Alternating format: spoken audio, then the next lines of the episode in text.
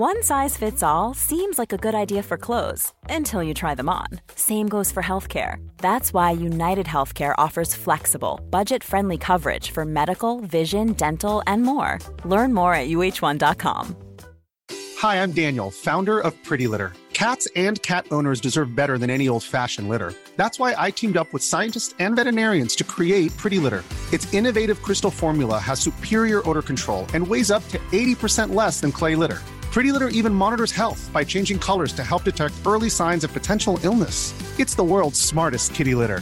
Go to prettylitter.com and use code ACAST for 20% off your first order and a free cat toy. Terms and conditions apply. See site for details.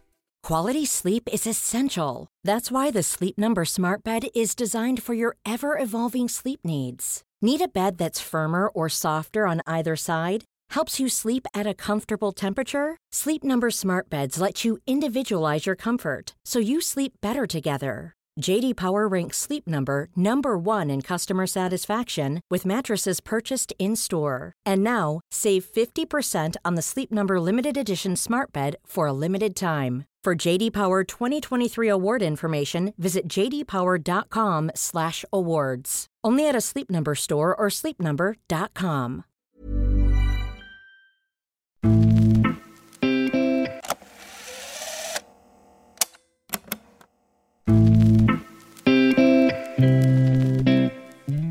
Dags för en ny Premier League-säsong och det betyder att alla som följer ligan stöter på via Plays Martin Åslund.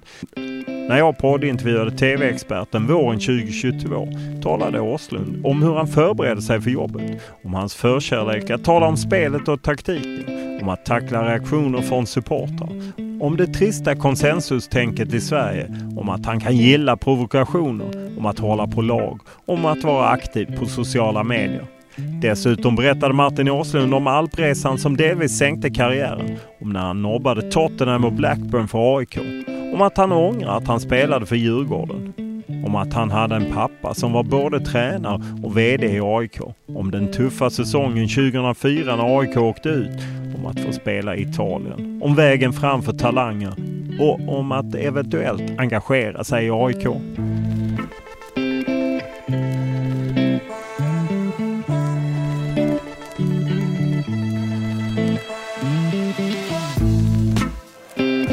Mats Rubart kom in på AIKs vänsterkant och blev en riktig injektion. Här i samspel med Martin Åslund. Mats Rubart, Lagerlöf. Oj, oj, oj, vilket, eh, vilket spel alltså. Helt suveränt. Ja, det var en upprullning som hette duga. Och det var ju tom bud för Martin Åslund att slå in den där bollen i. Faktiskt eh, väldigt tjusigt gjort. Ja, Det var ett skolexempel på fint anfallsspel det där. AIK har vänt 0-1 till 2-1 på det här fantastiskt fina sättet. Martin Åslund heter målskytten. Hans tredje mål för säsongen.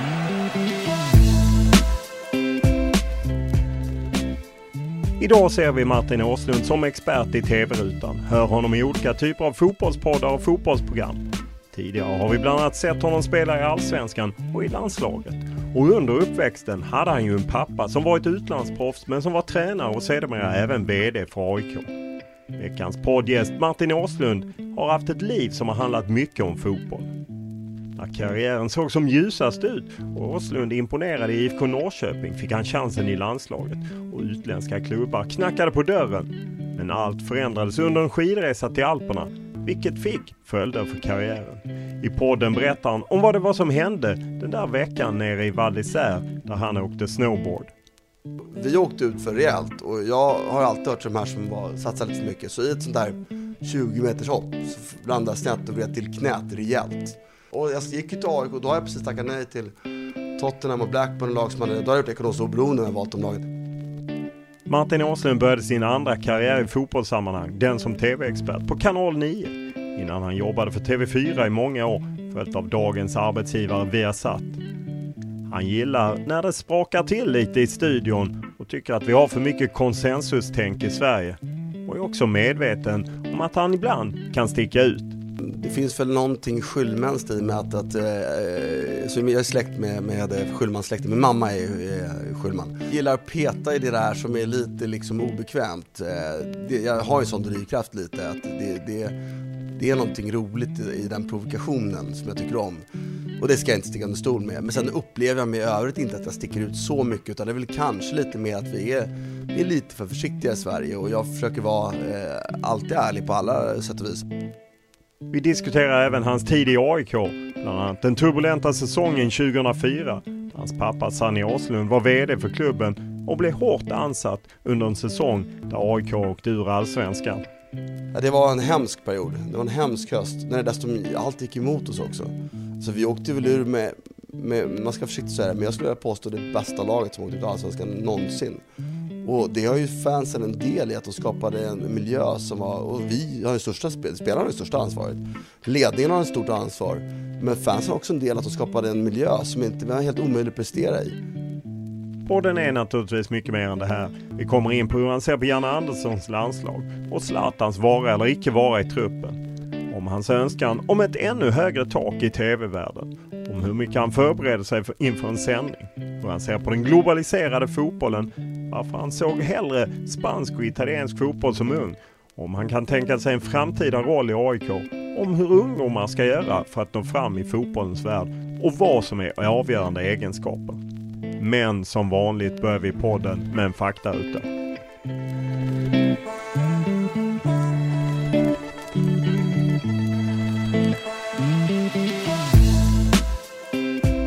Ålder? Jag är eh, 45 år. Bo? Bromma, Stockholm. Familj? Ja. Utbildning? Ja. Jag är civilekonom, eh, alltså en kandidatexamen i finansiell ekonomi. Använder väl det ganska lite ärligt talat, men eh, jag har en utbildning. Lön? Bra. Vad kör du? Eh, elbil. Vad läser du?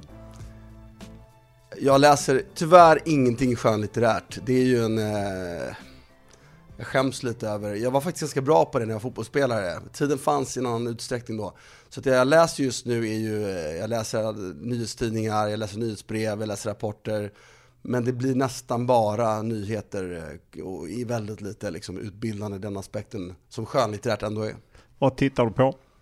Mycket fotboll, väldigt mycket fotboll. Tittar på nyheter, tittar på den typen av samhällsprogram. Slukar nästan allt som SVT gör eh, faktiskt, det är lättast. Eh, och sen så eh, ser jag då och då på tv-serier. Vad lyssnar du på? Helst ingenting. Vad spelar du på? Eh, plattform då eller? Eh, jag spelar inte paddel, jag spelar väldigt lite fotboll tyvärr, kroppen håller inte för det. Jag spelar inget tv-spel eller mobilspel eh, och spelar inte på spel överhuvudtaget egentligen. Stryktipset occasionally, men det är bara för att det är en gammal rutin sedan jag var liten.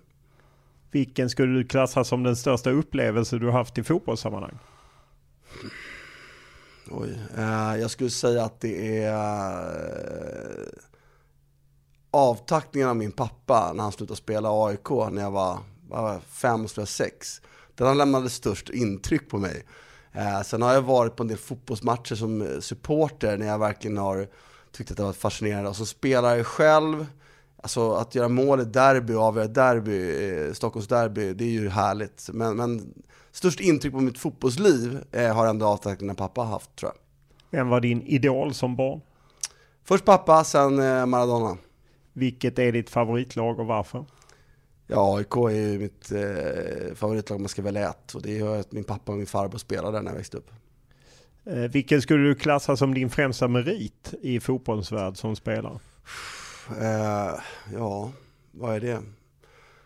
Individuellt plan är det väl att man har spelat Champions League och landslaget. På ett kollektivt plan, vilket fotboll ändå handlar om, så är det väl ett cupguld då. Jag fick ju bara allsvenskt silver några gånger men vann aldrig allsvenskan. Vem är den tuffaste spelare du mött? Eh, Magnus Levert var den tuffaste rent fysiskt. Jag var lite yngre då. Zlatan var också tuff fysiskt måste jag säga. Även om det var när han var 10 kilo lättare än vad han är sen. Och tittar man rent kvalitativt tycker jag ju att en spelare som Aymar och Rui Costa sticker ut mer än spelare som Figo och, och Rivaldo och sådana spelare. Vilken tröja är du glad att du bytte till dig? Jag bytte aldrig tröjor. Vilken regel vill du ändra på? Handsregeln skulle jag vilja göra renare. Eh, sen så skulle jag väl, nej men det är handsregeln. Vid vilka tillfällen ljuger du? Helst aldrig, eh, men det är väl en lögn bara det. jag vet faktiskt inte. Vilken är din favoritfilm?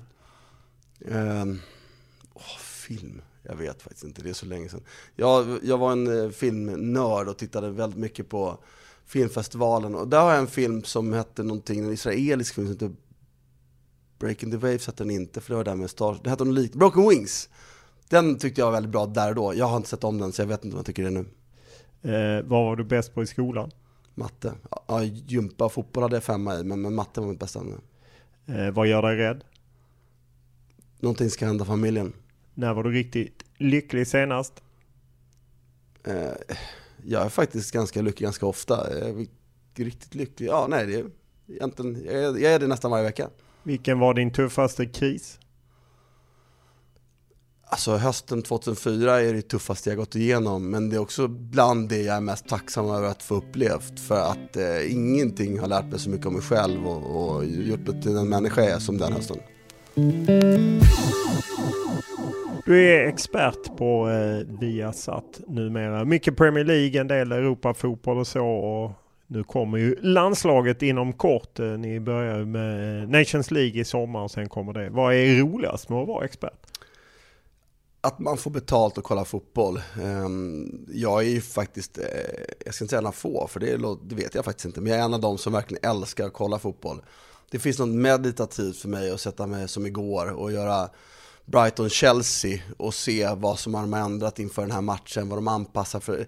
Det, det, är någonting där som gör att jag återhämtar mig, som, som gör att jag älskar att kolla fotboll. Sen gillar jag kulturen kring fotboll. Och sen är jag tillräckligt smart och tillräckligt dum också kanske för att njuta av det. Men så här, förstå att enkla nöjen är otroligt viktigt för, för, för oss att ha som människor, eh, eller kanske för alla varelser, det vet inte jag, men för oss som människor därför att det finns så mycket komplext här i världen. Det är rätt skönt att ha någon enkel nöje som så lätt att koppla på och, och fördriva tid och få ut uh, njutning av. Så att, uh, det är det bästa med att jobba med expertfotboll, att jag får betalt för att göra det. Det hade inte varit lika lätt att finna all den tiden i ett familjeliv och titta på fotboll om jag inte fick betalt för det. Vad är svårast med uppdraget? Alltså det är ju... Svårast är väl att, eh, att alltid hålla sig uppdaterad, att följa allting. Och det finns ju och jag närmar mig såklart den, en bortre gräns. När min, alltså, här, att, att ha spelat fotboll, är, den är upp, alltså, att förstå fotboll, det går inte att förstå utan att spela på det sättet man gör. Men den upplevelsen jag har haft, den är ju daterad. Och jag närmar mig en tidpunkt när jag pratar om att förstå spelet, den är inte relevant längre. Så den uppdateringen för att fördröja den, att det inträffar, det är det tuffaste rent liksom, praktiskt med mitt jobb. Hur gör du det? Att skjuta på den bäst före datum? Jag konsumerar väldigt mycket fotboll och jag konsumerar väldigt mycket teori kring fotboll. Eh, jag försöker att titta på spelidéer med olika tränare. Jag skulle, och jag hoppas, jag gjorde faktiskt innan pandemin bröt ut, så gjorde jag besök hos olika tränare för att följa vardagen, för att se saker i vardagen, se dem tränade och så vidare. Det skulle jag gärna göra mer av. Eh, men det är ju så här, i praktiken är det ju omöjligt i slutändan. Alltså, vad jag upplevde som fotbollsspelare på början av 2000-talet, det blir relevant för någon som spelar 2025 liksom. Vad skulle du tro är den största skillnaden för de som är spelare idag jämfört med när du var i din heyday så att säga? Alltså den tekniska nivån är så otroligt mycket bättre. Det är den stora skillnaden. Alltså, det är att slå på, Simor har ju haft eh, de här gamla allsvenska matcher. Så att jag såg, jag tror att Derby vann mot Djurgården med 4-3 och så satt jag och tittade på den och vilket tempo det var. Jag bara, vilken härlig fotboll. Sen fattade jag varför det var så högt tempo. Det är ju ingen, ursäkta språk, jävel som kan kontrollera bollen. Den studsar hela tiden, så det blir dueller hela tiden. Idag så är det den stora skillnaden att, att liksom en passning i en yta där vi tyckte vi var pressade, idag är de inte pressade. Utan de är så mycket skickligare som löser situationer. Så ibland är jag rädd för att jag pratar om någonting som är svårt, som dagens spelare bara va? Det där gör man ju i sömnen idag. För det var svårt på min tid, fast de är så mycket bättre idag. Så att, men, men genom att kolla mycket fotboll så tror jag att jag kan fördröja det, för jag kan öka, hålla liv i den förståelsen så mycket som möjligt. Men det är ju den stora skillnaden, den tekniska nivån är så oerhört mycket bättre. Om du ser som rollen som expert, var hämtar du inspiration? För att bli en bra expert? Jag tittar på alla typer av sändningar eh, runt fotboll. Det hade säkert varit bra att kolla på andra idrotter också. Eh, just i, i, och det är ju liksom min stora utmaning är ju, är ju, vill jag tro i alla fall, inte kunskapsnivån utan kanske, kanske presentationstekniken och, och sånt. Och det skulle man ju tjäna på att titta lite mer på andra, tror jag, sporter och andra tv-sändningar. jag ser tyvärr bara fotbollssändningar, men det ser jag ju nästan allt. Jag ser faktiskt nästan alla studios. Och vi, och vi ska diskutera Uefa sen.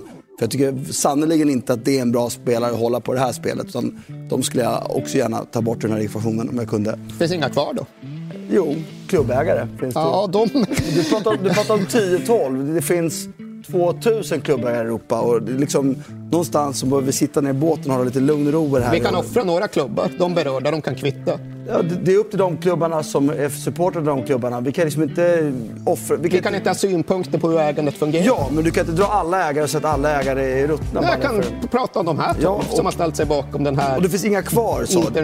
Du sa att det inte fanns några kvar. Jag sa att det finns 2000 klubbägare kvar här, så det, i den här ekvationen.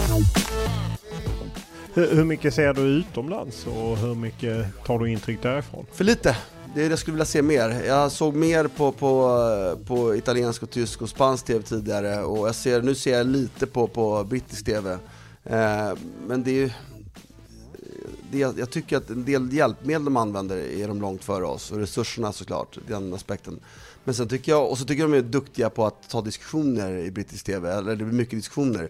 Men sen tycker jag själva diskussionerna de för är ganska banala och ganska ointressanta och bottnar i en ganska, eh, faktiskt, eh, gammeldags fotboll. Utan, jag är lite besviken på den, men de är duktiga med hjälpmedlen, de är duktiga på att låta diskussionen få utrymme och våga tycka olika. Det skulle vi vara bättre på i svensk TV. Jag tycker vi är lite för mycket konsensustänk hela tiden. Vad är en bra expert för dig? Um, Förutom dig själv då? Eh, Nej men jag tycker mm, så här, man ska vara man ska hitta sin stil för det första. Eh, jag, brukar, jag får ju frågan ibland när jag spelar som spelar nu och vad de ska tänka på som ska in i det här. Jag brukar alltid säga att man ska vara sann mot sig själv, så man ska vara den, den man är. Eh, att förställa sig funkar ett kort tid, men det kommer aldrig funka i längden man ska vara väldigt förberedd. Det är också någonting man kan genom bra språk, genom egna erfarenheter, genom att anamma något annat, liksom skjuta på upptäckten av att man inte liksom är så intresserad. Men i slutändan kommer alltid det äkta passionen lysa igenom. För vissa märks det efter tre månader, för andra tar det tre år eller tio år. Men i slutändan måste du ändå alltid vara intresserad, du måste vara dig själv, du måste vara ambitiös. Sen kan man alltid diskutera om man ska vara duktig taktiskt, eller man ska vara duktig på historia, duktig på ekonomi, duktig på... Det tror jag finns utrymme för allt. För att någonstans är det ju konsumenterna som avgör det. Men, men jag tycker att de tre grejerna, man måste vara sann mot sig själv, man måste vara otroligt påläst, Eh, och den tredje tappade bort som jag sa alldeles nyss då. Men det, det, det, förberedd. Förberedd, exakt. Ja. Eh, hur nördigt kan det bli? För om man ser liksom 20 år, om fotbollen har förändrats så har ju även liksom expertrollen förändrats oerhört eh, mycket i, om man skulle titta en sändning tidigt 2000-tal jämfört med idag så är det stor skillnad. Hur, hur nördigt kan det bli? Uh, jag tror att det där följer en jämn fördelning. För det jag tyckte var eh, liksom nördigt, eller det som jag stod för när jag började jobba med TV, jag tror att jag ansågs vara en nörd då. Jag tror att jag börjar hamna mot mainstream-hållet för att jag rör mig med min tid. Så de nya experterna som kommer in nu, de tycker att jag är lite för mainstream tror jag. Och de är nördigare. Så jag tror att det där följer en jämn, jag tror inte man behöver göra någonting åt det där. För kunskapen ökar bland tittarna. Och med det följer ju det som var nördigt tidigare blir mainstream. Så det kommer in nördiga, så nördigheten kommer alltid driva det här. Eh, och till slut blir den, din och min nördighet blir mainstream. Och då kommer några andra yngre säger att men, Olof Martin, Alltså de är bara, sitter där och tomtar och är mainstream och säger självklarheter. För de är de nya nördarna. Och det där tror jag är, det är, en, det är en ongoing process. Det händer oavsett om man vill eller inte och kommer alltid ske. Inför en lördag eller en söndag när du ska göra ett par matcher i exempelvis Premier League-studion. Hur förbereder du dig? Eh, det, det, är väldigt olika, därför att är det, är det krav på, eller krav, eller önskemål, eh, eller sådana så här, får jag igenom mitt önskemål att vi ska prata mer taktiskt, då får jag lägga mer tid, för det, det tar tid. Det tar mer tid att välja bilder och hitta vinklar och förklara och, och det tycker jag ändå det är det vi ska bli bättre på. Men sen har jag respekt för att det är redaktörer som bestämmer och de tycker ju lite mindre ofta än jag att det ska röra sig om, om spelmönster och om taktiska val. Och, och är det då en vanlig sändning utan något taktiskt, då behöver jag förbereda mig liksom normalt. Skulle jag säga så här, ja, men inte så himla mycket ändå, men det bygger ju på att jag tittar kontinuerligt hela tiden. För Hur många matcher ser du en vecka? Eh, jag ser i princip det mesta liksom. Eh, och, och, och alla ligor alltså? Nej, alltså, nu pratar jag Premier League då som ja. jag jobbar med, så är det det mesta. Sen är det ju skillnad på att sitta på match och, och kommentera, sitta och analysera, eh, till att sitta och ha den på. Men jag har nog alltid alla matcher på nästan och är det flera matcher som en lördag som jag inte jobbar, då tittar jag alltid i studion kring det. Och jag ser, summerar nästan alltid varje vecka med tittar liksom, så du kan ju bilda dig en bred uppfattning i en match om man är duktig på statistik och det är jag hyfsat bra på det. Så att den har jag kollat på. Sen tittar jag toppmatcherna i de andra ligorna. Så jag räknar väl inte, men säkerligen väldigt mycket. Vad lockade dig in i det här? Jag för mig du började på Discovery i nian var det Mm. väl som hade CA. Var möjligtvis Jesper Husfeldt som drog in dig Ja. eh, och, och eh, på något sätt tog med dig. Vad, vad lockade att ta detta klivet? Ingenting från början. Alltså, det var ju mer eh, Johan Cederqvist, som jag inte var kvar på Simor. Jo, ja, eh, som, och, och Pelle Bäckman som skulle göra någonting. Då var Serie A-rättigheten var uppdelad i två paket. En för de bättre lagen, ett för de sämre. De hade väl köpt en sämre då, så letade de i panik efter någon som jobbar med italiensk fotboll. Och så liksom var det slump att de hörde av sig till mig. Jag kastades rakt in i en sändning. Jag liksom vågade inte tänka på hur dålig jag var i början. Kanske fortfarande är i vissa ögon, men, men då var jag i alla fall ännu sämre. Så, men, men så började jag göra det där och jag var väl väldigt skeptisk till att fortsätta egentligen. Därför Varför? Att, därför att jag har levt hela mitt vuxna liv och spelat i storklubbar i Stockholm och var rätt trött på att alltid bli bedömd och alltid vara i fokus. Och var lite sådär, jag såg fram emot ett liv där jag inte liksom behövde stå till svars för någonting, utan jag kunde vara mig själv bara. Men vad jag lärde mig var då med tv-jobbet var att, att, att vi behöver ju knappt stå till svars för någonting. Alltså visst, det finns folk som är arga, men det går inte att jämföra med att spela i ett Stockholmslag.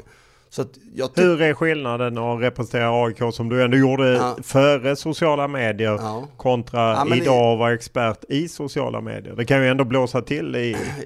Jag tror att, jag tror att vi liksom, på det sättet var vi verksamma i AIK i den värsta tiden AIK har upplevt. För det blev började ju komma med internetforum och sådana grejer som dök upp och det blev ett intresse och kravbilden var helt orimlig och det är lugnare för spelarna idag än vad det var när vi spelade. Eh, och det har väl med, jag ska inte säga att det har med att jag var AIK att göra, för det kan ju ha varit en faktor, att jag kände ett större ansvar än vad, än vad kanske en annan spelare gjorde som inte var AIK och spelade AIK gjorde.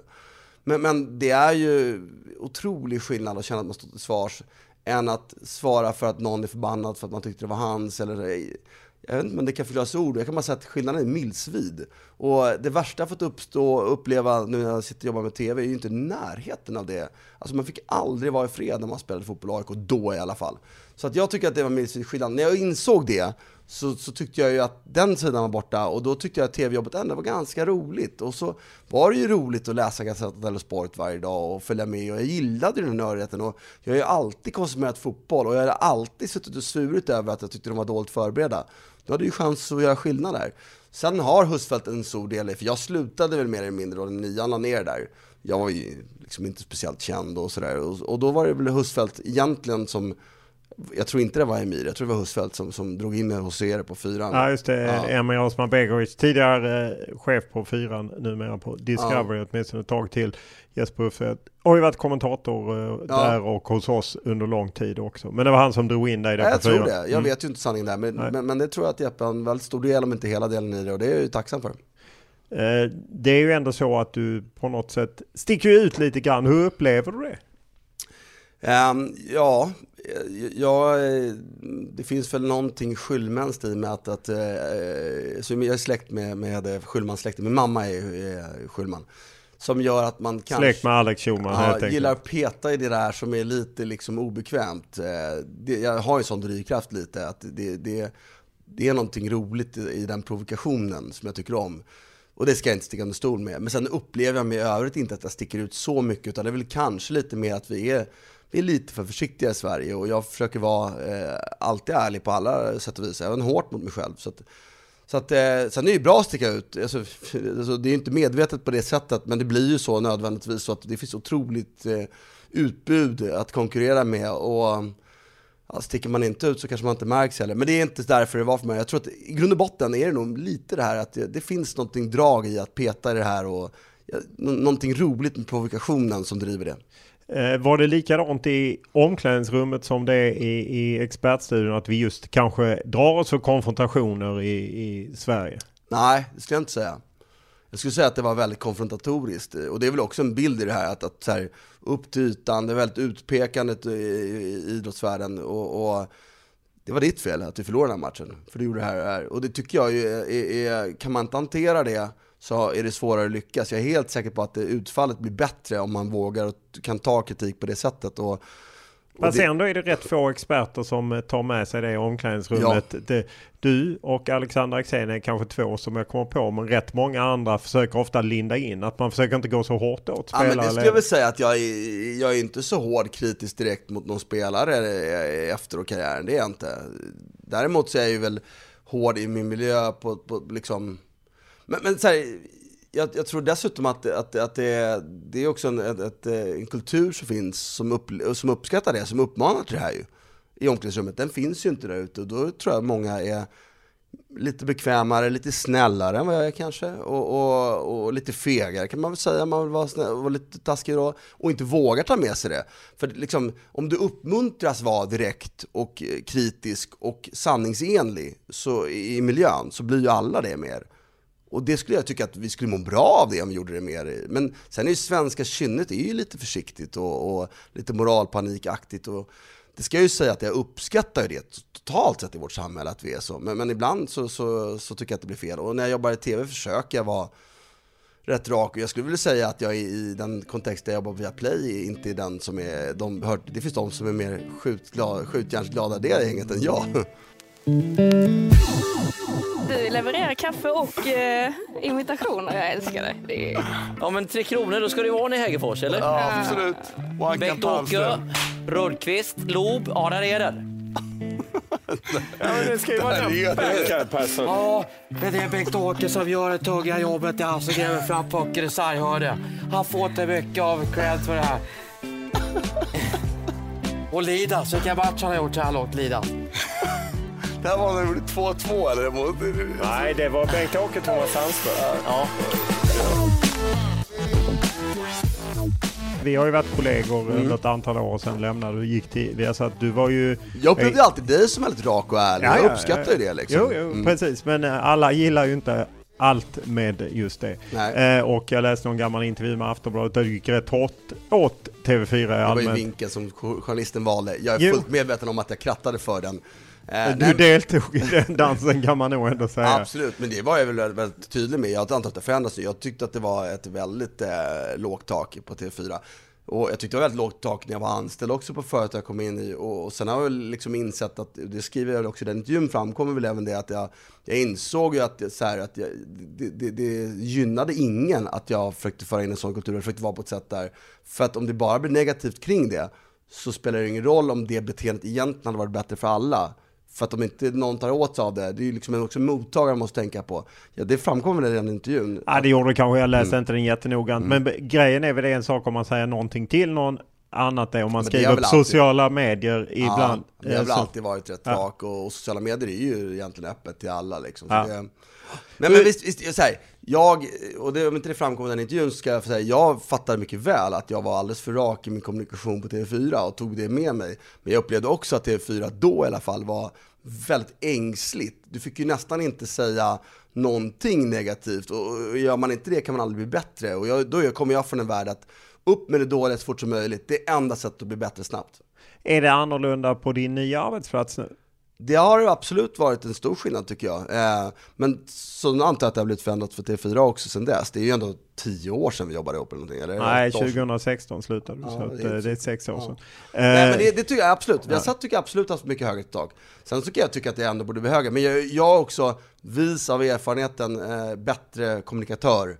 Alltså jag tar på mig mycket av skulden som var på TV4 också såklart. Om vi då tar högre i tak, vi har satt så är det ju svårt att gå runt det som hände i ja, våras eh, på Viasat. Där mm. får man väl ändå säga låg ett visst lock över det. Hur upplevde du liksom hela det som skedde kring Ola Wenström och all turbulens som var utan att kanske peka ut någon åt ena eller andra hållet? Nej, och det, det, jag tyckte det var först och främst väldigt tråkigt. Eh, jag tyckte, tycker och tyckte att Ola Wenström är en otroligt skicklig programledare.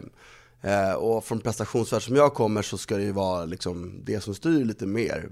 Sen är det ju på locket på, sen är det ett personalärende. Så att våra chefer är ju av, eh, ja, vad är det, inte ABL, det är aktiebolagslagen, men, men eh, det finns väl, eh, de får inte redogöra för det här. Så min insyn i det här är tyvärr ganska dålig och då blir man lite utlämnad till rykten, vilket jag tyckte var lite olyckligt. Samtidigt har jag respekt för att man måste följa gällande lagar och inte kan kommunicera. Och mycket, eh, jag var ju liksom bara inne och gjorde tv-sändningar. Jag upplevde inget av problemen då.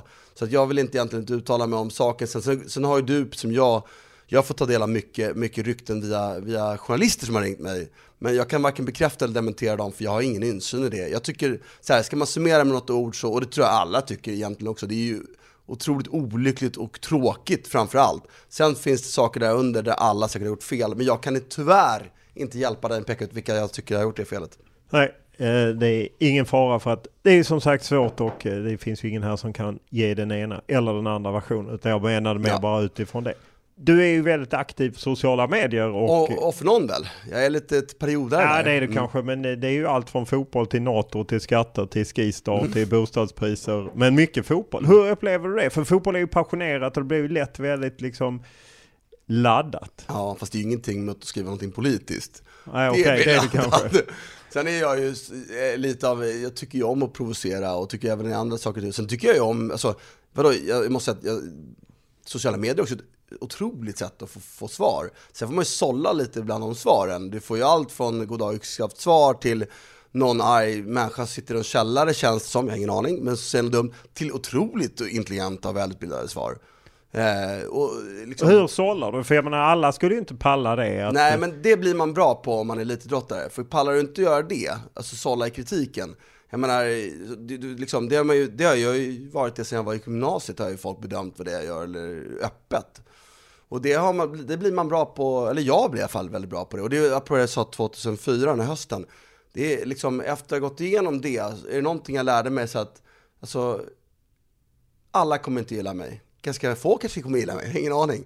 Men bara jag står för det jag står för och de som jag tycker om, bryr sig om, bryr mig om väldigt mycket, vet att jag gillar dem så spelar det mig faktiskt ingen roll. Och det kan jag faktiskt säga ärligt och säga att jag är inte oberörd, för det är ingen, men jag är ganska obrydd över att folk tycker illa om mig och tycker att jag är dum i huvudet. Jag kan släppa det och gå vidare.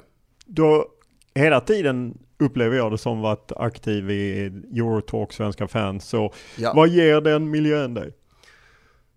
Eh, från början var det ett, liksom ett, ett, utrymme, för att jag menar du och jag jobbade ihop på TV4 med reklampauser, det var ju så otroligt kort tid att prata, det var ju ofta one-liners och det var inte det, och det, jag förstår, det är ju inte TV4s fel, det är ju liksom den, den värld de jobbar i. Men, men det, det, var ett otroligt eh, uppdämt behov att prata till punkt och lite mer därtill. Så från början var det bara det och, och verkligen härligt. Sen kände jag ju flera av de här tidigare. Numer är det ju liksom som en rutin och jag trivs otroligt bra att sitta och prata med kompisar som det har blivit genom åren och sitta och prata fotboll och och egentligen också inte, jag menar även om jag tycker att, att TV, TV, fotboll i TV har blivit bättre på att inte följa manus utan det blir öppnare att prata så där är det ju helt fritt. Jag har ingen aning om vad vi ska prata om när jag går dit. Jag har ingen aning eh, vad det är på deras körschema. Och det tycker jag är något väldigt befriande. Sen lär jag mig fortfarande väldigt mycket saker när jag är där tycker jag. Och det tycker jag ju om. Så att det, eh, jag skulle jättegärna utrymme och tid att prata mer sånt där. Jag tycker om att vara med i poddar och tyvärr så vill inte alltid våra avtal, tillåter inte våra avtal. Eh, Apropå högt i tak. Ja, ja, nej, nej, men det bestämmer inte jag liksom. Nej, nej, nej, jag vet. Mm. Det är ju det. Och det får man väl acceptera och, ja. och, och sådär. Så att jag skulle, för man lär sig ju någonting eh, alltid när man pratar med människor. Ja, och jag menar, du har ju alltid saker att säga och när man letar fram, ja men du, till skillnad från många liksom så lyfter ju du gärna eller många, men en majoritet i Sverige är ju ändå intresserad av den engelska fotbollen medan du lyfter ju Spanien via din mm. pappa och mm. sen Italien och, och liknande och, eh, och så. Vi, för dig, varför lockar de ligorna dig? Um, alltså från början eh, så växte jag ju upp med en pappa som spelade i Spanien och Tyskland. Och framförallt Tyskland eh, passade pappa väldigt väl. Så när jag, på, på, när jag var 9, 10, 11, 12 år någonstans där, när man kunde få paraboler hemma, så hade vi ju tysk tv hemma. Eh, så då kollade vi, Sat1 hade då eh, tysk fotboll det var ju för övrigt bättre fotboll i England, för de var ju bättre då. Och så var det ju otroliga tv-sändningar. Det var 10 minuter sammandrag från varje match och, och drömmen för en fotbollsintresserad ung kille. Dessutom så har jag alltid hållit Barcelona, så, för jag var där 84 och träffade Maradona. Pappas gamla lagkamrat från Espanyol hade varit tränare i Barcelona när Maradona kom dit. Så hans två söner, han var gift med, med någon akademisk fru, så hans två söner skulle bli piloter och var lite äldre än mig. Så att när jag sprang och spelade fotboll i deras bakgård blev han ju äldre och lågor och, så här, och var så bra. Och, så och får jag gilla då så att jag, min idol var Maradona, han, då sa han imorgon åker vi träffa Maradona. Så var jag på den här Camp Nou då som, som sju och ett halvt åring och fick träffa Maradona och springa runt där. Så då började jag heja Barcelona väldigt intensivt. Och det fick man genom tysk tv, kunde man se Barcelona. Så då såg jag spansk fotboll liksom regelbundet sedan väldigt ung ålder. Och sen kom Uno Cruz Due på, på TV3 väl var det. Som började sändas i en ålder där man, alltså tonåring, när man vill göra någonting annat. Och en ung stockholmare vill inte sitta på samma program som någon gubbe ute i landet. Det var lite sån drivkraft generellt bland mina kompisar, så alla vi kollade på Serie A.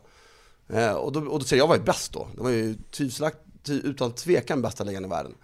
Eh, och då blev det bara en grundintresse för det och sen har det hållit i sig. Eh, jag har alltid kollat på Premier League men inte liksom, har jag fått välja så har jag kollat mest på Barcelona, eh, italienska ligan för att jag tyckte också taktiskt varit intressant att stå och följa. Den har varit väldigt taktiskt driven, numera är det ju små skillnader.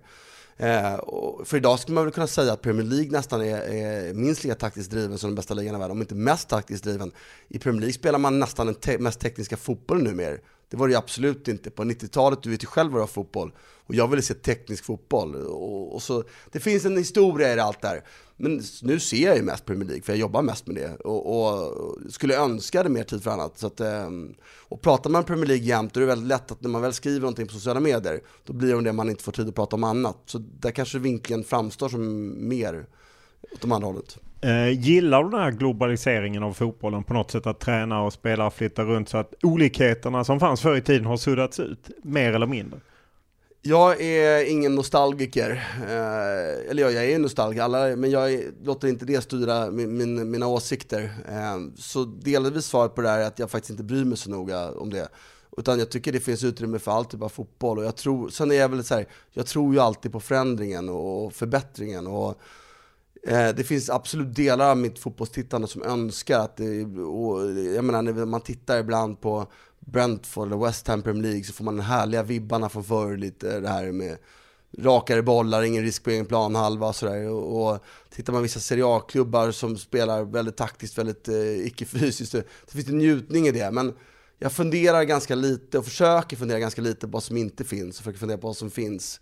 Eh, och jag tror så här, liksom, saker och ting går inte stoppa. Globaliseringen som kraft tror jag ändå övergripande är bra. Jag tror det leder till större förståelse och mindre krig. Och över tid hoppas jag bättre inkomstfördelning. Eh, det låter vi, får vi nog återkomma till. Ja, både det mm. och krig eftersom vi har drivit globaliseringen rätt långt och eh, det ja, verkar oroligt. Fast i, i globaliseringens sätt. länder känns som krigen är mindre ändå liksom. Ja, så är det kanske. Mm. Eh, du, AIK vet vi att du håller på, du nämner Barcelona.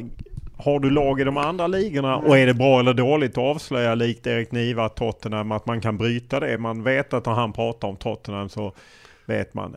Jag är helt för att man ska vara transparent på, eh, på alla ingångsvärden. Det är upp, så när jag läser en, en eh, krönika av Anders Lindberg i Aftonbladet då vet jag ju vad han står för. Det är ett ingångsvärde. När jag läser en PM Nilsson i Dagens Industri så vet jag ingångsvärdet. Jag tycker att det är egentligen synd att vi inte är tydligare med sånt. Jag håller på Liverpool Premier League, jag är inte fanatisk, men jag håller på dem. Det är ingångsvärde ska alla veta när jag tittar på matchen. Sen tycker jag ju däremot tyvärr att väldigt många tittare är otroligt dåliga på att nyansera det man säger. Utan en, en saklig kritik mot ett lag blir att man hatar deras lag. Och det är lite sorgligt, men, men det, det, tror jag inte man råder bot med att inte berätta vilket lag man håller på, för den kritiken får man ju ändå. Så att jag, jag är så här, jag har på Liverpool i Premier League, inte fanatisk, men jag håller på dem. Jag är på Napoli i Italien. Eh, jag håller på Marseille i Frankrike, jag håller på Barcelona, Spanien eh, och Werder Bremen i Tyskland och AIK i Sverige. Så här, kan man hålla på många lag då? Jo, jag tycker man kan det. Jag är inte fanatisk, AIK håller jag verkligen på, Barcelona, Napoli lite därefter. Men det är ju också ett sätt att, liksom, ett ingångsvärde för mitt intresse när jag kollar. Jag tycker det är liksom en, för mig är det en del i att kolla fotboll, så jag ser ingen motsättning i att hålla på flera lag. Och jag tycker, för din ursprungliga fråga, jo jag tycker man ska vara transparent för det. För det är ett ingångsvärde som upp till, till lyssnaren eller tittarna att eh, sen beakta.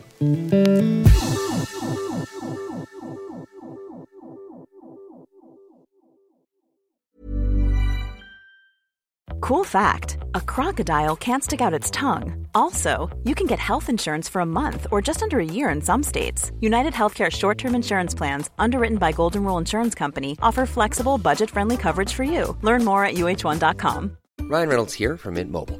With the price of just about everything going up during inflation, we thought we'd bring our prices down. So to help us, we brought in a reverse auctioneer, which is apparently a thing.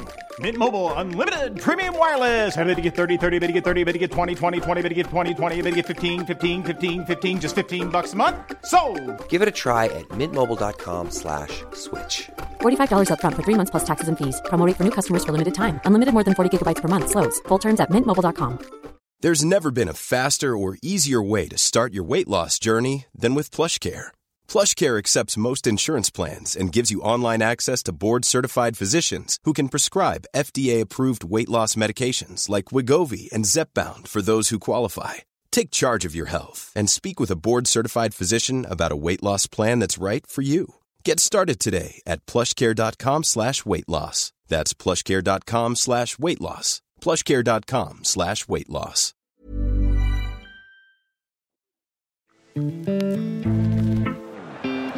Forsberg, big opportunity here and in. Took a little deflection on the way. Emil Forsberg arrives at this World Cup all right. But Sweden have liftoff here in St. Petersburg. Huge, huge moment. That's it. That's all she wrote here in St. Petersburg. And Sweden are into the quarterfinals of the World Cup. Their astonishing run continues. Ni ska ju ta över landslaget. Jag vet inte om du kommer jobba med det eller inte. Inte. Det vet du kanske inte själv. Eller, vad är din bild av landslaget under Janne Andersson? Att man får ut väldigt mycket mer av eh, resultat eh, sett till egentligen vad som kanske inte är rimligt men vad som är, är kravställningen borde göra gällande. Eh, att det är en återgång till en riskminimerande fotboll, en ganska mycket basfotboll. Eh, och att eh, Janne eh, tycker jag verkar vara en riktigt eh, bra ledare. Eh, jag är inte helt enig med det sättet man spelar fotboll, men jag är också fullt medveten om att resultaten är otroligt bra. Eh, jag tycker Janne Andersson i nästan alla intervjuer ger liksom ett väldigt bra intryck av att vara lugn och sansad. Och, och jag kan bara tycka att det var roligt att få honom själv som tränare en gång i tiden. Inte för att kanske hans fotboll hade passat mig bäst. Jag tror för sig inte att den passade mig så dåligt. Jag var lite brunkare. Men jag tycker framförallt att hans ledarskap hade jag velat uppleva.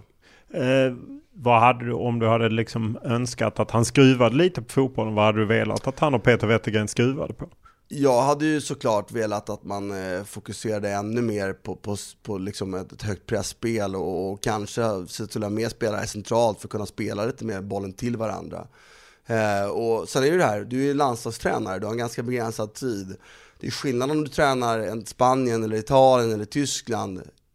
Kanske inte England, men de, de, här, de kommer ju lagen från, spelarna från ungefär likspelare, alltså ganska lika spelande lag.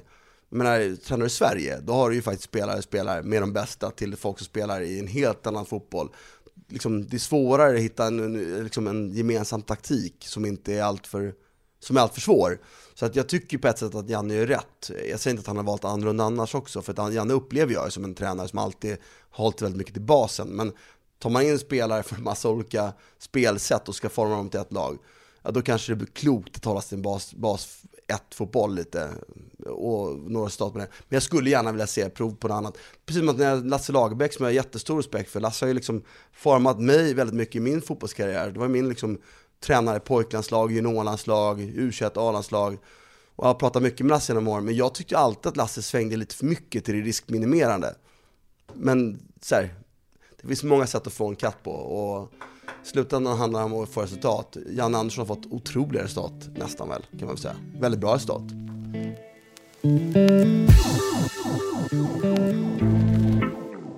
Ja, det känns fantastiskt. Det är, när man är en fotbollsspelare på en viss nivå där man får chansen att representera sitt land. Och jag har alltid sagt det, det är det största som finns. Det är med stolthet och det är med en ära man, man tar på sig det. Och sen vill man ge så mycket som möjligt tillbaka till, till landet där man har växt upp. Där man, eh, det man kallar sitt eget hem. Var det för dig självklart att han skulle plocka tillbaka Zlatan? Ja, jag ser inte, jag ser inte problemen. Det är klart att alla, alla konstellationer av spelare i en grupp har sina utmaningar. Men, men min bild är inte att Zlatan är, är, är så mycket svårare. Eller, så här, han, det är klart att han är på ett sätt en karaktär som tar mer plats. Men det finns väldigt mycket, vi pratar väldigt mycket i Sverige om det negativa om det. Man glömmer bort att det finns något väldigt positivt med det också. Och de krav... Vad är det vi inte pratar om som är positivt? Nej, men det, det finns ju en ribba som höjs och kravställning som höjs. Och vi pratade precis här på lunchen om en gemensam bekant eh, som jag hade åt lunch med. Som, ingen spelare jag spelade med, som eh, när jag var ung spelade jag med honom. Och jag fattade inte, jag tyckte han var så jävla grinig och tjurig jämt på alla tränare, träningar. Men det är först några år senare han slutade som jag fattade att hans gnällande gjorde ju mig bättre. Vem var det? Nej, jag inte säga namn. Ah, okay. det är ganska många som har varit så i den äldre generationen i och för sig. Men, så det, det, är väl en del i det. Sen tror jag bara så att det är väl skönt med någon med det självförtroendet, det smittar av sig. Och sen är ju jag i alla fall, jag tror att de flesta fortfarande, nu till det här med att jag spelade fotboll och slutade för en jävla år sedan. Men jag tror att, jag, jag har svårt att se att man ser en bra kraftfull spelare som ett problem i en spelargrupp. Utmaning, ja, visst, men det är väl bara att acceptera. Det är, det är väl en ledarfråga i grunden? Dessutom ja, och det är ju också en grej, Jan Andersson ska ju gilla det här om man är en bra ledare. Och då har vi pratat om den biten, fotbollskvaliteten är ju odiskutabel. Klart som sjutton att han ska vara med. Nej, så jag tyckte det var en icke-fråga. Självklart ska han vara med. Lite korta frågor som jag räknar med du svarar snabbt. Qatar-VM, ska Sverige åka? Ja eller nej om man går dit? Uh, ja. Uh, var? Ja eller nej? Ja. Uh, Superligan? Ja eller nej? Så, sådana format som det var, så nej. Men Superliga har vi redan. Vi har redan Premier League, det är en Superliga. Villkorstrappan, ja eller nej? Nej, men jag är för dåligt insatt för jag inte vet vilka delar hur man skruvar på det. Men nej som den är. Bengaler, ja eller nej? Säkerhetsmässigt kan jag förstå invändningen mot det, men som spelare älskade jag att spela i bengaler, så jag måste ändå säga nostalgin för det här fallet vinna, ja. Var det givet att inte ha någon annan typ av kontakt med fotbollen utan att glida åt expert när du upptäckte att du trivdes med det? Oj, uh, det är en långt fråga där. Det är inte ett, Ja, det, det, behöver, förlåt, det var ingen kort ah, fråga nej, utan nu gick jag vidare. Det var bara några... Nej, nej, alltså, nej, jag saknar ju fotboll. Det gör jag. Och jag saknar mycket fotboll. Eh, och expertrollen fyller en stor del av det hålet. Eh, jag jag vuxit upp med en pappa som varit tränare i Allsvenskan och, och styrelsen i AIK och sen har varit VD i AIK. Och jag vet vad priset är eh, på det på andra sidan. Och det är liksom inte något alternativ för mig att gå in i det. Hur mycket jag än saknar det så ser jag inte mig själv bli fotbollstränare. Möjligtvis jobba med ungdomssidan med ett A-lag, jobba som en del av ett större team och det kanske vi är om några år. Några år kanske vi är där Premier League inte är nu, men var för några år sedan när det är stora staber, ännu större staber. Då kan jag nog tänka mig att jobba med det. Då är också mina barn vuxna, det, det är också en aspekt. Jag gick i, i eh, högstadiet med min pappa tränade AIK och det var jättekul när AIK vann, vilket de inte gjorde så ofta då.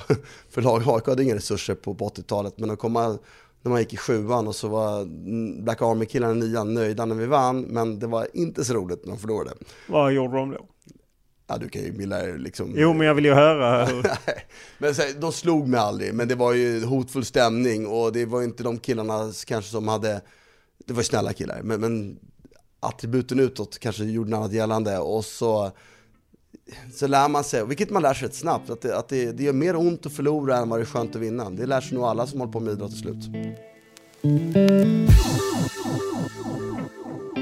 Till dig som vill bli fotbollsproffs, eller egentligen vill elitsatsa på någon lagidrott.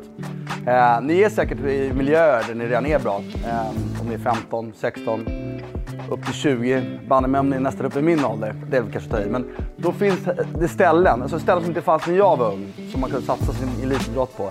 Det här är verkligen en plats att komma till. Och jag tycker att alla bör ändå prova att vara på sån här anledning. Det är alltid något man kan lära sig, ganska lite att förlora. Så att, eh, sluta kör. Jag vet inte hur aktiv du är i det som kallas Gritnest som eh, hjälper eh, ja, unga talanger att bli ännu bättre helt enkelt. Ja. Hur aktiv i det och vad är du? Eller jag, vad är det för någonting? Alltså jag, är, jag ska ju inte vara aktivt operativ utan jag är ju, sitter i styrelsen och, och en delägare i det.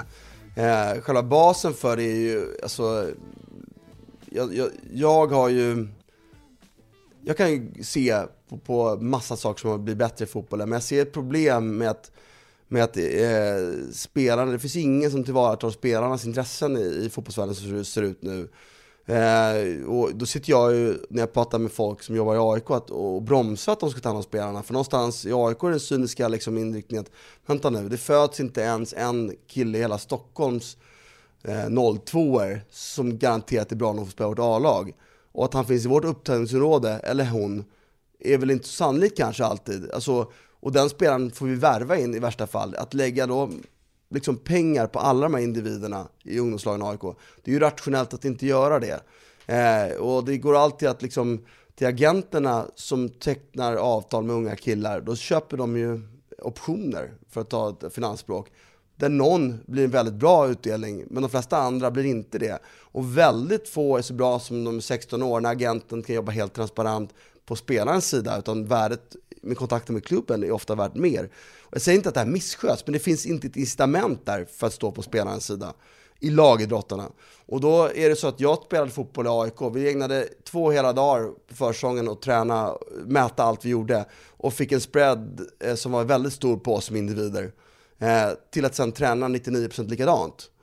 Eh, och bara det är ju ett jätteproblem att man inte ser det. Och jag kan ju med fast hand säga att jag hade haft mycket mindre skador om vi hade tränat mindre. Vi tränade, råkade, jag hade oturen också, det sätt vi tränade på när jag var aktiv i AIK var sämsta möjliga från skador jag haft och för min kroppsbyggnad. Så det bidrog till alla mina skador på fel sätt.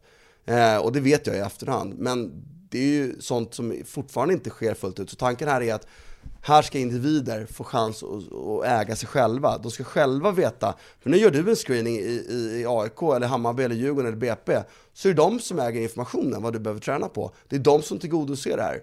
Jag säger inte att man ska gå emot klubbarna här, men man bör åtminstone ha en bild själv, som man äger själv, vad man är bra på och inte bra på. Och sen är, vilka är kunderna i slutändan till det här? Ja, en del blir ju såklart föräldrar, agenter, men jag till och med klubbarna kommer vara, AIK kommer lägga in 15-20 spelare i en sån här verksamhet. för att man ska kartlägga, det här behöver den här spelaren träna För att kunna individanpassa utbildningen. Eh, och idag, jag, individanpassa utbildningen, så tittar du på hur många företag det finns på individuell utveckling i Stockholm. Jag skulle gissa att det finns över 100. Och det är så småskuttar och de flesta av de här gör väl ganska bra saker. Men det finns ju ingen som gör någonting som de som eh, strukturerar, informerar klubben och det kommer klubbarna ha behov av. Så det är själva affärsidén med själva sportklubben. Greatness. Och det är tanken med det. Men så här, jag är inte så operativ i det. Nej, jag är mer på strategisk nivå. Jag har bara noterat det och ja, flimrat jag, förbi på LinkedIn. Nej, men du, du borde komma ut och se. För jag tror att det, jag tror att det om några år kommer ha en, eh, liksom en stort antal spelare som ändå är där och tränar och på något sätt. Och jag tror att det är viktigt att skapa en, ett, en plats där spelarna får känna att de äger sig själva. Misstänker dock att kunderna kanske inte kommer från eh, områden där man kanske har socioekonomiska utmaningar för att prata arbetsplats svenska utan snarare kommer kanske från områden där det finns föräldrar som är villiga att betala för det här. Eh, än så länge är det ganska få föräldrar som betalar. Det är också helt föräldrafritt där, föräldrar får inte komma in.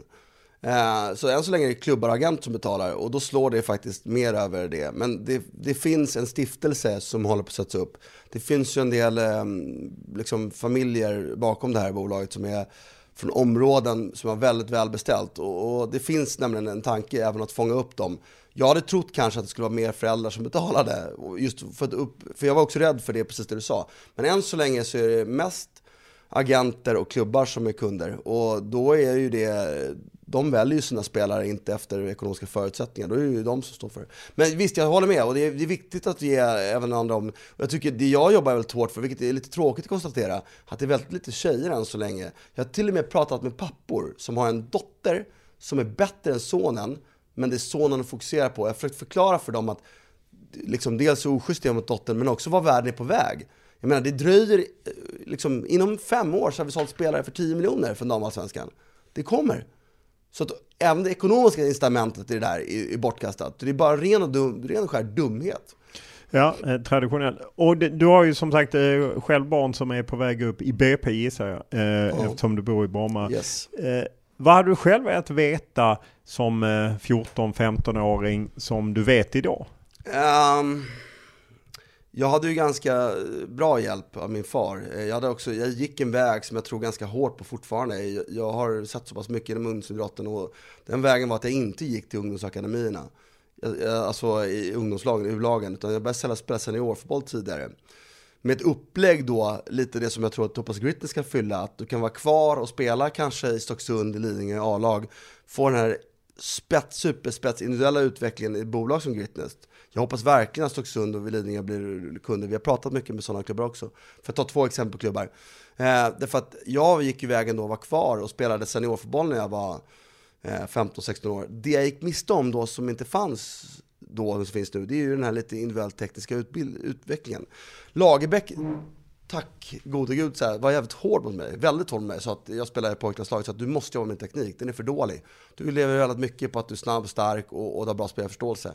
Det gjorde att jag tog ikapp det och hade på allsvensk nivå en ganska bra teknik. Men jag önskar att jag hade drivit det mycket hårdare och det tycker fortfarande man ser med ungdomslagen.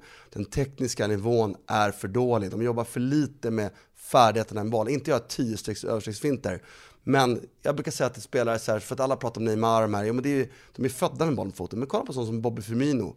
Hur ofta bollen dör, hur snabbt den dör. För fotbollsteknik handlar om tiden det tar för att få bollen till dig, sen ligger på marken kan spela den efter marken. Det är klart du kan spela om den studsar, men räkna på statistiskt på felmarginalen när bollen studsar mot när den ligger på marken, eller rullar på marken. Så kan du få fram att okej, okay, det är väldigt viktigt att få ner bollen rullande på marken snabbt. Den tiden det tar, det är funktionell teknik. Den typen av färdighet jobbar vi för lite med i svensk fotboll. Vill du att dina barn ska bli elitspelare och i så fall vad har du för råd till dem? Eh, alltså, rent egoistiskt så skulle det vara väldigt härligt om någon av dem eh, spelade fotboll i AIKs A-lag. För då skulle vi, vi, vi är tre riktigt som har spelat A-lag, vi, vi är två som har spelat AIKs B-lag utöver det eh, Eh, i vår familj, i vår släkt. Eh, och det har varit väldigt liksom, egoistiskt härligt att få se en till liksom, eh, i vår släkt spela i Allsvenskan. Det skulle vara härligt om någon av mina syskons barn också gör det såklart. Men frågar du någonting så, så vill jag ju först och främst att de älskar att kolla fotboll. Det är det viktigaste. Sen vill jag att de har bra civila karriärer. För att en civil karriär är värt så mycket mer än en idrottskarriär. Jag skulle aldrig vilja ha min idrottskarriär ogjord. För det är ju något unikt. Men livet fortsätter. Jag har ju haft lyckan att kunna bygga en civil karriär också efter det. Och jag ska inte säga att de jag spelade med som har ekonomiskt oberoende och inte har så mycket med dagarna att göra nu, mår dåligt, för det gör de inte. Men jag tycker mitt liv är mycket rikare än det ser, fast de har mer pengar kanske. Eh, och det tycker jag är så här, civil karriär är det sättet viktigare, för den ska hålla på med till 75, kanske de gör 80, vi lever ju vid 150 de, de här barnen liksom, kanske. Eh, och, och, då är det viktigare. Sen så vill de bli elitspelare, ja det vill de. Eh, och då vill jag ju också att de ska bli det så de får liksom uppleva det. Men ja, jag, får jag välja så går det, blir det tre Vad är råden till dem för att nå dit? Råden är att ta det lugnt, följ ner en utvecklingskurva. Det är så otrolig hets i Stockholm. Eh, relativa ålderseffekten är ju, det är så många okunniga människor som sitter och väljer spelare i akademilagen, i Stockholms fotbollsförbund och, och det riskerar att bli en otrolig stress. Och jag försöker alltid säga det, alltså vissa är färdigvuxna när de är 21, vissa när de är 14, vissa är 12 det är orimligt att jämföra dem. Alltså, du måste titta på det. Du kan titta på om de är 03, eller 04, eller 02 eller 01. Du måste kolla på något annat. Och den stressen försöker jag bromsa till mina barn. Det är svårt. Väldigt svårt. Och sen så är ju rådet att, att eh, vill man bli någonting så får man lägga ner kraft på det. Man kan inte laga någonting och sen inte lägga ner tiden på det. Då måste man ju vara beredd på det. Men ingenting får gå före skolan. Så de måste sköta skolan först och främst. Sen får de träna mycket de vill. Och sen är det svårt att så bromsa barn så att de vill bli bäst. Eh, du och jag, hur svårt det blir. Så ja, jag inser det. Ja, du höll ju föredrag för eh, min sons mm. lag för länge sedan när ja, vi jobbade det. kollegor. Du, det har jag alltid tagit med mig när du berättade att eh, det första pojklandslaget som du var med ja. så var du i princip den enda som nådde elitfotbollen. Ja. Vilket du säger, åtminstone då var det ja. svårt att pricka faktiskt, rätt. Det, där, det här är intressant för att det, det var också kul nu när vi jobbade med Satt sist så var det ju Lasse Lagerbäck, jag och Fredrik Ljungberg som stod och pratade. Ljungberg var inte med i första pojklandslaget. Han kom med lite senare. Lasse var förbundskapten, så vi, vi stod och snackade. Det var ju som att vi var 16 år eh, igen. Det var väldigt härligt och då pratade vi just om det här. Och sen såg jag en, eh, Stockholms fotbollsförbund tog ut med 97 När är din son född? Han är 99. Ja, 97 Det var 64 stycken tog Stockholms fotbollsförbund ut till uttagningsläger där. När de var 19 år så spelade mindre än hälften av dem fotboll. 25 stycken nådde någon form av elitfotboll, då pratar vi så här division 1 nu.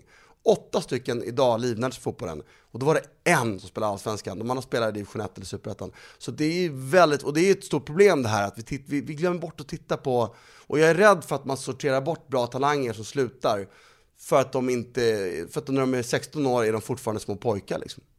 Eh, och små flickor för den delen också, ska man komma ihåg. Ja, verkligen. Och eh, om man går till spelarkarriären så tillhör du ju en talangfull grupp med Ljungberg. Du är ju med i mm. U21 EM 98. När man läser den truppen liksom med Majstorovic och Ljungberg och Jocke Persson och Jörgen Pettersson och Tommy Jönsson, Kalle Corneliusson, Shaban. Erik Johansson, Yxel, Olof Mellberg, Daniel Andersson, Kleber Sarenpää, Anders Svensson, Erik Edman, Alexander Östlund, Erik Gustafsson. Ja, det är ju en otrolig grupp egentligen. Ja, kanske den bästa, jag tror att det är den bästa kull som Sverige har haft faktiskt. Ja, det kan det ju vara. Mm. Du gör ju fyra landskamper. Jag var i Burgas 98 när du startade borta EM-kval och så.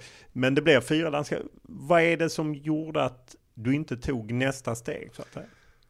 Ja, men först och främst är det ju att jag förstörde knät. Jag åkte efter Burgas då, så åkte jag hem eh, och så åkte jag, hade en resa bokad med mina kompisar till Val d'Isère över nyår. Vi åkte ut för, idag är det helt befängt att man gjorde så, men jag växte upp och det verkligen liksom, folk förstår inte när jag säger det. Jag spelade i Allsvenskan när jag gick i gymnasiet. Det gick helt o, alltså det var ingen som brydde sig. Jag var som vilken vanlig människa som helst. Jumpatränaren och en lärare, lärare i historia som höll på, höll på, på ett av de lagen jag spelade i. Eh, tyckte det var roligt. Alla andra brydde sig inte. Så det var så att, att jag skulle säga nej till att åka till Alperna för att spela fotboll, det var otänkbart bland mina vänner. Så det är klart att vi skulle till Alperna och åka ut för. Och vi åkte ut för rejält. Och jag har alltid hört de här som var, satsade lite för mycket. Så i ett sånt där 20 meters hopp så landade jag snett och vred till knät rejält. Eh, åker efter det till AIK, gör en träning med AIK, åker med landslaget dag två. Dag tre tränar jag, kolliderar med Klipberg på just. Eh, och får jätteont i knät, det viker sig bara, jag kliver av. Och sen så eh, ringer Forsblad mig och säger, vad fan har du gjort med ditt knä? Jag bara, men jag kollade med klubben. Han bara, nej aldrig, det är så mycket våld. Sen tog det mig tio månader innan jag var någorlunda återställd. Jag kunde spela men jag hade ont. Och sen blev det aldrig riktigt bra. Och sen kom följdskadorna på det. Och där har jag en skuld i att jag ett, inte tränade tillräckligt bra rehabträning. Eh, så ett, förlåt, i snowboardskadan, det är den viktigaste anledningen. Men två, rehabträningen, jag skötte inte den bra nog. Alltså, och det ska inte, skugga ska inte falla efter AIK, vi hade inte de resurserna att ha det. Så jag var på Bosön och fick jättebra hjälp där. Men så, så egentligen sabbade du din, din karriär och en eventuell flytt ja, ja. på Absolut. att du åkte skidor med polare? Och jag gick ju till AIK, då har jag precis tackat nej till Tottenham och Blackburn, lag som hade, då har jag gjort ekonomiskt oberoende när jag valt de lagen. Men, men här, Varför tackar du nej? För att då är du, de som inte kan din karriär är ju att du Eh, AIK som ung och sen IFK Täby, sen Enebybergs IF och sen går du till Djurgården ja. och, och flyttar till Norrköping, gör det bra där och är ju glödhet hösten 98 ja. när du flyttar. Ja exakt, jag kunde i princip välja Tottenham och Blackburn? Jag kunde välja vilken liga jag ville i princip. Varför var, nobbade du Tottenham och Blackburn? Därför att jag alltid haft en dröm om att spela AIK. Eh, AIK hade vunnit ligan och satsade på Champions League. Eh, så här, I avtalet med AIK skrev jag också in att det AIK betalar, max dubbelt av det fick de ta för mig när jag gick vidare i mitt huvud fanns det ju bara att jag gick till AIK nu, spela, fortsätta spela bra, jag flyttar om ett år. Det var ju liksom hela planen. Alltså, jag vet mer nu, man ska ta chansen när man får den. Eh, sen är det så här, jag har ju varit lyckligt lottad så ekonomiskt har jag klarat mig ganska bra ändå. Eh, så jag ångrar ändå inte det. För någonstans så, så sagt, som människa har jag blivit den jag blev av den här vägen. Och jag har aldrig lärt mig så mycket om mig själv sagt, det var sista året i AIK. Men det var en jädra dyr alpresa. Det var det. Alperna är dyrt. Ja, fast det, det måste ju tillhöra en av de dyraste alpresorna någonsin. Ärligt talat så kunde det ha gått, alltså vi har gjort mycket grejer på de här alpresorna som har gått mycket värre. Jag menar, jag åkte och, alltså, vi hade aldrig lavinutrustning och vi åkte ju på, eh, liksom utanför kammar och, alltså det är klart att vi åkte med, med guider ibland, men det var ju dyrt och så här, jag har ingen aning vilka klasser jag gör. Jag har åkt över i lösningar, lavinrisker som inte är troliga. Så att, på ett sätt kommer jag väl ändå billigt undan, det får man väl säga. Och, och det, det, är klart att jag, min pappa var emot allt det här, men jag lyssnade inte på min pappa. Det gör man sällan Nej, i den exakt, så är det ju. Så att eh, någonstans var det, det var ett otroligt fel beslut. För jag hade ju flyttat utomlands, hade jag ju aldrig kunnat åka till Alperna, hade blivit skadad. Och, men jag ska också föra en tredje grej till det. Vi tränade väldigt fel också. Vi tränade väldigt hård fys, mycket vikter. Det gjorde ännu större problem på grund av skador jag redan hade. Så men det största felet är ju att jag åkte. Det andra felet är att jag inte skötte min rehabträning så bra som jag borde ha gjort. Liksom, nu pratar jag om maximalt optimerat och sen att vi tränade fel för mig. Så att, eh, man är, så här, jag, man blir så bra som man blir. Det är, det är en del av hela processen. Jag var inte tillräckligt smart för att fatta rätt beslut och tog till Alperna. Nej, okej, huvudet är en del av att bli elitspelare. Jag är så otroligt trött på att höra folk som pratar om att de, om inte det hade hänt, om inte det hade hänt. Ja, men jag blev det jag blev, för jag fattade de beslut jag gjorde. Alla beslutsfattningar är också en del av fotbollen. Jag var inte bättre, punkt. Liksom det blev fyra landskamper. Jag slutade sista när jag var 23 eller 24 eller vad det var. That's it. Eh, om vi backar lite. Hade du i dagens klimat med ditt förflutna med pappa då i, i AIK och så. Hade du kunnat gå till Djurgården i dagens Nej. klimat? Otänkbart. Det hade varit otänkbart att göra det också. Ja. Va- varför gjorde du det och varför hade det inte funkat idag? En del av mig var att jag ville bryta med pappa också. Jag var ju Sunny Boy överallt. Eh, jag spelade också ett pojkjuniorlandslag med Ralf Edströms son Pierre. Eh, och Ralf är ju stor på riktigt i Sverige. Så var vi än var så var det prat om äpplet faller om. Alltså jag var så trött på allt det där. Sen var det väl ett karriärsbeslut också, att AIK var ju bra, Djurgården var dåliga. Djurgården hade en tränare som, och alla tränare som jag kände och de liksom byggde om hela sin trupp så det var en ung satsning och sådär. Men, men största viktigaste beslutet var att jag inte ville vara, gå i min pappas fotspår, att jag ville gå min egen väg och väldigt trött på att höra att jag alltid var i min pappas fotspår. Sen sagt, det var inte så jag menar, pappa var tränare för AIK på, på 90-talet, eller 90-talet, så han, och så tränade Tommy Söderberg Djurgården, Hasse Backe Hammarby. Så de tre åt ju med, alltså det, det var ett utbyte i klubbarna mellan, fotbollen var så liten liksom. Ja, och det är lätt att glömma bort att Stefan Söderberg som var klubbdirektör gick från Djurgården. Djurgården till Ja. Bosse Andersson. Eh, spelat i AIK, gick till Djurgården. Alltså, Ja. Hasse Backe har ju tränat Jansson väl... var väl den enda som betalade pris för det. Ja, precis. Eh, men... Eh, Men jag skulle önska det ogjort. Jag, jag, jag För ju att? befläcket. Dels för att jag, och ska vara det första, dels hade jag inte den utvecklingen. Jag hade inte hamnat i en tränare som inte trodde på mig. Eh, och det brukar jag också säga till unga spelare idag. Att träna spelare tror inte på dig ett år, spelar inte stor roll. Du jobbar allt vad du kan. Förr eller senare så kommer du ha en annan tränare. Och har du jobbat på då så får du betalt. Jag fick jättebra betalt för det i Norrköping istället. Liksom. Men dels det, men sen så också för att jag, jag är befläckad med AIK-historia och jag skäms ju över det. Och, Skäms du? Det kan du väl inte göra? Nej men lite för, för den AIK jag ändå är. Jo, Eh, men alla och kan väl tycker förstå jag, jag just- älskar också att Djurgårdsfansen gillade inte mig då. Nej. De var ändå, jag var inte okej för dem och då avgjorde jag ändå SM-finalen för juniorlaget där och jag, jag tror jag avgjorde kvarten, semifinalen men jag var ändå inte önskvärd hos dem. Och det, det har jag stor respekt för. Ja, okej. Mm. Eh, om eh, man tar till AIK så förutom skador var det lite stökig tid. Det var lite stökigt med Stuart Baxter och, och, och liknande. Hur, hur upplevde du det? Alltså Stuart eh, upplevde jag som en, eh, en, eh, en tränare som lärde mig otroligt mycket fotboll. Eh, jag önskar att jag hade haft honom senare i karriären eh, också. Eh, därför att jag kanske inte var mottaglig för all information han hade då. Eller så här, jag lät väl kanske eh, Eh, hans ibland lite bristande ledarskap eh, gå ut över liksom intaget av information han hade. Eh, Så att det, nej, det var jätte, jag hade en bra relation med Stuart ändå. Det, vi hade absolut skärmytslingar, men det hade han ju med fler spelare. Och jag, jag uppskattade Stuart och jag tror han uppskattade mig väldigt mycket också. Jag uppfattade allt, i alla alltid så. Så att det var inte, sen var det turbulent omkring, det var så lite som jag sa tidigare, det var liksom, det var nog den hårdaste perioden att spela, AIK-spelare. Jag minns 2001 när vi, vi kom tvåa i kuppen, förlorade på tolfte straffen. Vi kom tre i Allsvenskan, tre poäng bakom eh, Hammarby som vann. Vi åkte ut i Europaspelet mot Troja, efter att ha förlorat 2-1 borta, hade 1-1 hemma, hade dem på gaffen, vi pressade dem och de kontrade in och gjorde 2-1. Egentligen liksom en säsong som hör till den bästa AIKs historia. Vi var så otroligt, och vi hade inte ens mest högsta lönebudgeten i Allsvenskan. Så att det var liksom, vi var så otroligt bespottade, jag har aldrig upplevt att de varit så besvikna. Det var en, från media, från fans, det var en katastrofsäsong. Och tittar man historiskt sett, så sagt, det är inte den bästa, men det är en av de bästa AIK har haft. Så att vi var också en period där det var väldigt, väldigt turbulent och kravställningen var egentligen orimlig. Eh, men, men sagt, ur det har man ju lärt sig saker som man aldrig skulle lära sig annars. Jag tycker du höll allsvensk klass i AIK idag. Vad är det för jävla fråga? Jag har ingen aning. Så lät det direkt efter 1-2 igår mot Örebro. Mm, Det har varit ett dystert år både på och utanför planen för AIK. Det slutade med degradering trots höga förväntningar inför säsongen. Slutsignalen skar skarpt genom höstluften i Solna. Det var tomt och tyst, så när som på några jublande öjsare när Allmänna idrottsklubben lämnade allsvenskan för fjärde gången på 80 år. Eh, du har ju flera gånger nämnt 2004, jag vill spara det till, men i fakta utan just tuffaste mm. kris. Din pappa är ju VD, väldigt hårt utsatt av, eh, ja, inte bara trevliga krafter kring AIK. Eh, hur upplevde du det? Ja, och det här är en del i det som jag säger, att, att spela en match, prestera samtidigt som de eh, sjunger nidramsor om sin pappa. Det, det är liksom... Att klara av, alltså det är klart att jag presterade, jag presterade ganska bra. Jag var en av få spelare som ändå gjorde en så bra säsong. Liksom. Men, men det är klart att jag kunde vara bättre med allt, allt, allt det där och tänka på också. Men vad det lär dig, lär dig om dig själv och din förmåga att liksom fokusera på rätt sak här nu. Liksom att just nu så kan jag inte göra någonting åt det här och jag kan inte göra någonting åt det här. Utan fokusera på det jag skulle göra. Och, ja, det var en hemsk period. Det var en hemsk höst. När det dessutom, allt gick emot oss också. Så vi åkte väl ur med, med man ska försiktigt säga det, men jag skulle vilja påstå det bästa laget som åkte ut i Allsvenskan någonsin. Och det har ju fansen en del i att de skapade en miljö som var, och vi har ju största, spelarna har det största ansvaret. Ledningen har ett stort ansvar.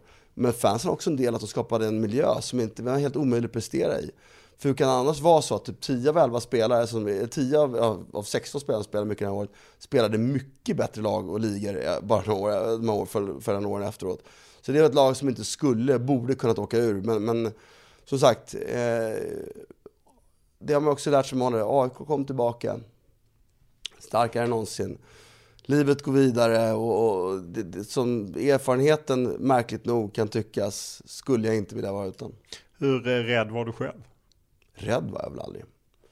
Jag tänker på din pappa var ju inte, lämnades ju inte direkt i fred. Nej, men att de skulle göra någonting fysiskt farligt vad jag visste man att det gör de inte. En del av det här bygger ju på en, en att våldskapital, skrämseltaktik som de aldrig kan utnyttja eller aldrig har använt. Så att rädd var jag inte. Utan det var mest jobbigt ju. Det var väldigt jobbigt att, alltså, och det var väldigt orättvist också. Det är klart att, vi alla, min pappa inte minst, har en stor del att, att fatta fel sportsliga beslut. Men tittar du på, på liksom vad de gick från de ekonomiska resultat de ändå lyckades göra under de här åren, vad de var tvungade, tvingade till att göra, så, så gjorde de egentligen mycket ett fantastiskt jobb. Men det spel, och jag är den första att säga att det spelar ingen roll om man misslyckas sportsligt som vi gjorde.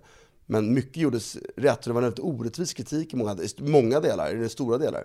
Okunnig kritik. Hur mycket följer du AIK idag? Enormt mycket. Hur gärna hade du velat gå in i klubben, i styrelsen eller i ledningen? Jag har ju fått förfrågningar om styrelsen eh, tio gånger, så det kan jag väl att jag med velat. Eh, eller det ska jag inte säga, för det är en sak att få förfrågningen och sen bli vald. Men jag är i alla fall tillfrågad. Eh, jag har sagt att jag vill jobba i AIK på ett eller annat sätt i framtiden. Eh, hur vet jag inte. Om det är styrelsen, extern eh, tankesmedja, typ 2091. Stor respekt för det de gör eh, ungdomstränare, del av teamet A-lag. Jag vet inte. Eh, eller som pensionär kanske var materialare. Jag har ingen aning. Men, men idag finns inte tiden eh, för att jag måste fokusera på det jag gör. Mina barn ska bli vuxna också. Det har jag också sagt ett kriterium. För de har kommit ut det så ska jag inte ta någonting i det.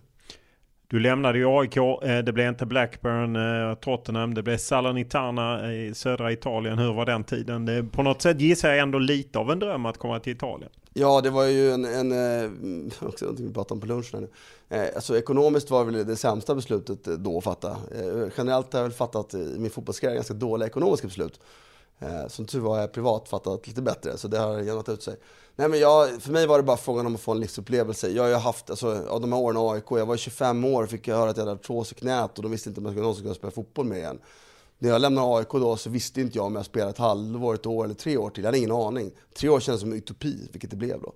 Till. Så det var så här, jag ska ha en livsupplevelse. Eh, så att jag skulle säga att, att mångt och mycket så var det nio månader där nere som är i rehabiliterande syfte och livsupplevelse bland det bästa jag haft då också då på ett sätt. Som en reaktion på det man har upplevt liksom, och, och komma ner där och få vara, inte en i mängden, för att man var jävlar i mig igenkänd. Min fru eh, blev eh, liksom approcherad på köpmarknaden av gamla tanter med matrecept för att vi skulle spela bättre. Så det var ett otroligt intresse, men, men vi var så skyddade där nere. Vet, det är ingen jävla som kom in på träningsanläggningen. Det var ju staket och grindavakter. och så att man levde ett väldigt skyddat liv, väldigt privilegierat liv där nere också med, med liksom sjukvård, eh, tand, alltså allt sånt där och stränder och mat och vin och så, här. så det var ju ett fantastiskt år. Eller nio månader få och väldigt välbehövligt och väldigt lärorikt. Det var väl ingen slump sen att jag spelade en av liksom min karriärs bästa fotboll mitt första år i Danmark.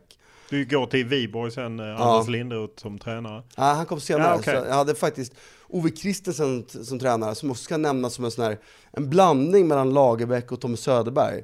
Han hade samma så här ledarskapsegenskaper som Tommy har lite. Och så är det lite surmunna, grumpy, lite den här taktiska liksom envisheten som Lasse har.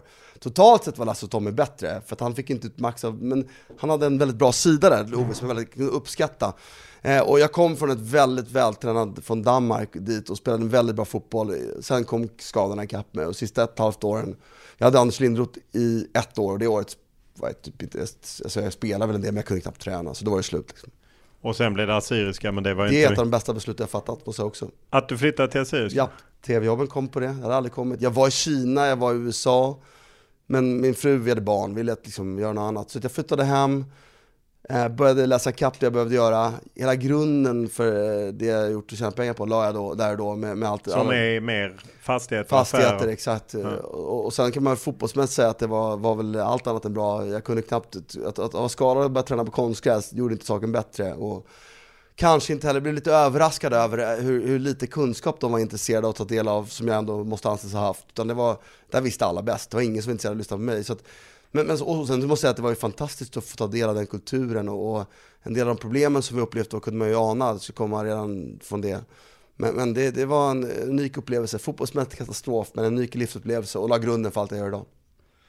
Och eh, hade du inte åkt eh, på alpresa kanske det hade varit en annan karriär. Exakt, Men, jag kanske eh, varit en eh, mycket rikare men olyckligare människa än jag är nu. Suttit som Ljungberg, flugit in istället. Exakt, jag vill inte byta liv med Ljungberg. Nej, Ljungberg har, har säkert bra liv, men jag gör hellre det här. Stort tack för att du tog dig tid. Tack Olof.